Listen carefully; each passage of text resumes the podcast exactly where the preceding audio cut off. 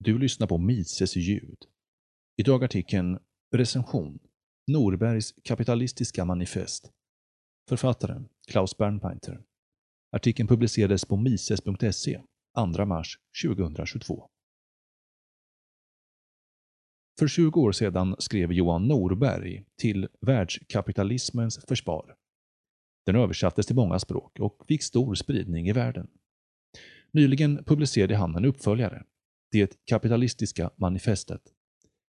Han förklarar att han skrev boken för att han tycker att frågor om ekonomi och frihet hamnat i bakvattnet efter de senaste årens kulturkrig. Citat. Kulturkriget är ett nollsummespel. Kapitalismen är ett plussummespel. Slutcitat.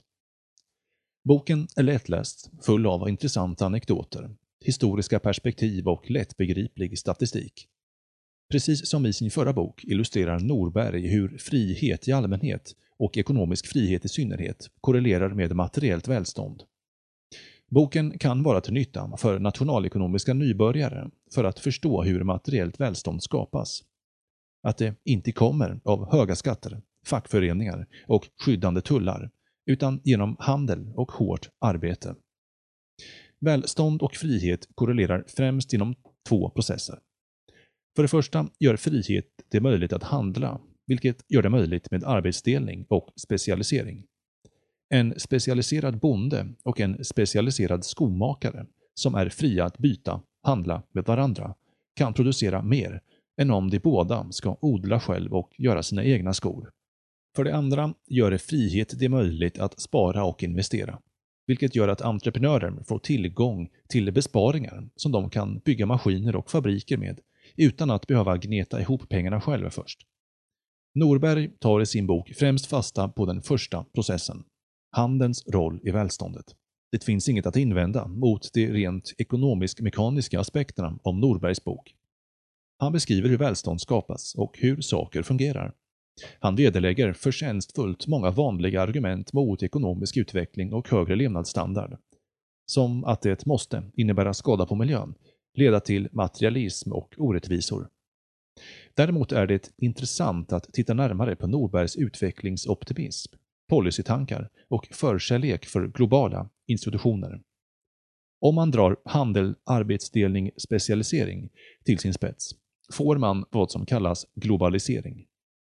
Ett företag i Sverige köper den billigaste skruven från Kina, sätter den i den billigaste plåten från Tyskland och fäster alltihop med den billigaste muttern från USA för att skapa den billigaste möjliga varan. Frihet, handel och globalisering gör detta möjligt. Det är värt att påminna om att globalisering är inte globalism.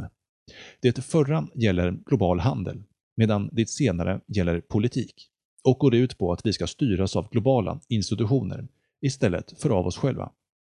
Däremot är det lätt hänt att vurm för globalisering leder till vurm för globalism, vilket man kan se tendenser av hos Norberg. En aspekt av kulturkriget är just ett motstånd mot globalism. Somliga människor vill ha sina traditionella homogena samhällen kvar, till och med till priset av dyrare halvledare. En positiv sak med globalisering är som sagt att det skapar ekonomisk tillväxt, vilket gör att saker och ting blir billigare. Det vill säga att det materiella välståndet ökar. Men globalisering har också nackdelar. Ett exempel är att det gärna leder till uppkomsten av ett fåtal avlägsna högspecialiserade tillverkare samt skapar ett beroende av komplexa transportkedjor. Detta system störs lätt i händelse av krig och andra demokratiska ingrepp i samhället. Det gör oss sårbara. I situationer där två värden står mot varandra finns det inte ett objektivt rätt svar. Är det viktigare med tillgång till billiga halvledare i tid av fred? Eller vill vi överhuvudtaget få tag i dem när som helst, när vi behöver dem? Inköpare på företag väljer ofta fler än en leverantör av samma komponent, även om det blir något dyrare, för att minska risken som beroendet av en enda leverantör innebär. Den extra kostnaden är som att betala en försäkringspremie.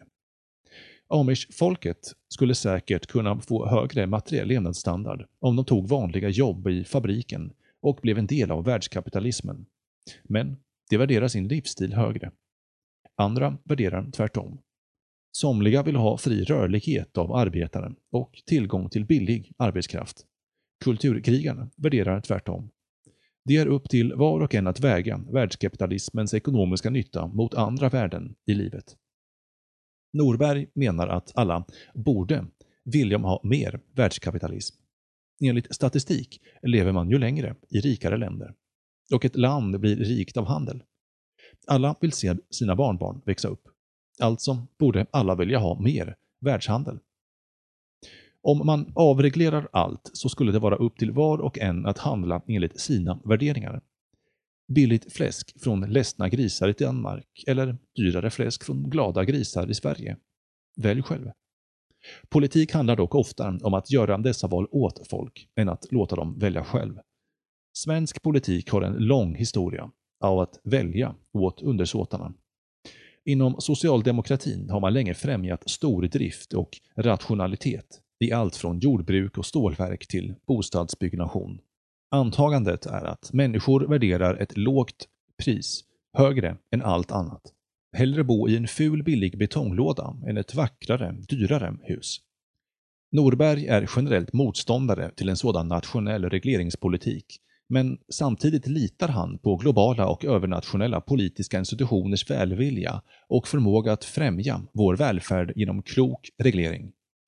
Det illustreras kanske redan av titeln på hans första bok, som inte hette Till kapitalismens försvar, utan Till världskapitalismens försvar. Han ser gärna övernationella institutioner som EU och Världshandelsorganisationen WHO som beskyddare av världshandel och välstånd genom tullfrihet och motstånd mot andra handelshinder. Men han säger inte mycket om risken att globala institutioner med tiden utvecklar sin egna globalistiska agenda som långsiktigt går på tvärs med frihet.